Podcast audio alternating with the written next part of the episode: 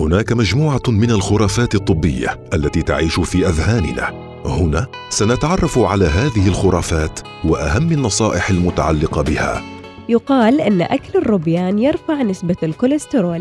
ما حقيقة هذه المعلومة؟ خلونا نتعرف على التفاصيل. خرافات طبية مع سميرة الفطيسية يقول الدكتور أحمد محمد عبد الملك صحيح أن الروبيان يحتوي على الكوليسترول لكن أثبتت الدراسات أن أكله إذا طهي بطريقة صحية فإنه سيخفض لك الكوليسترول والدهون المشبعة بدلا من أن يزيدها والمفاجأة أنه سيرفع لك نسبة الدهون النافعة.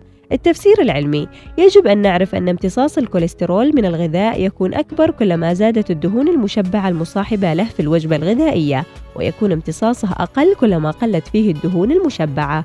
الروبيان يحوي نسبة قليلة جدا أو معدومة من الدهون المشبعة الضارة كما يحوي نسبة أكبر من الدهون غير المشبعة المفيدة على هيئة أوميغا 3 وهذا يجعل أكثر الكوليسترول الذي في الروبيان لا يمتص إلى داخل الجسم وبالمقابل يتم امتصاص زيت الأوميغا غير المشبع المفيد بشرط أن تكون عملية الطهي بالبخار أو الشوي وليس بالقلي.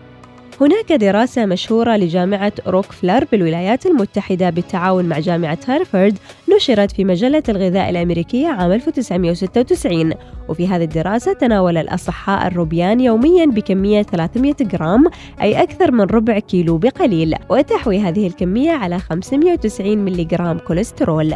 وأظهرت نتائج الدراسة أن تناول هذه الكمية يرفع نسبة الكوليسترول النافع وليس الكوليسترول الضار ويقلل نسبة الدهون الثلاثية في الدم.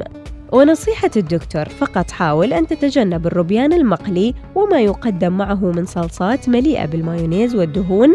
اجعل اختيارك هو الروبيان المشوي أو المسلوق مع صلصة طازجة محضرة من الليمون والتوابل.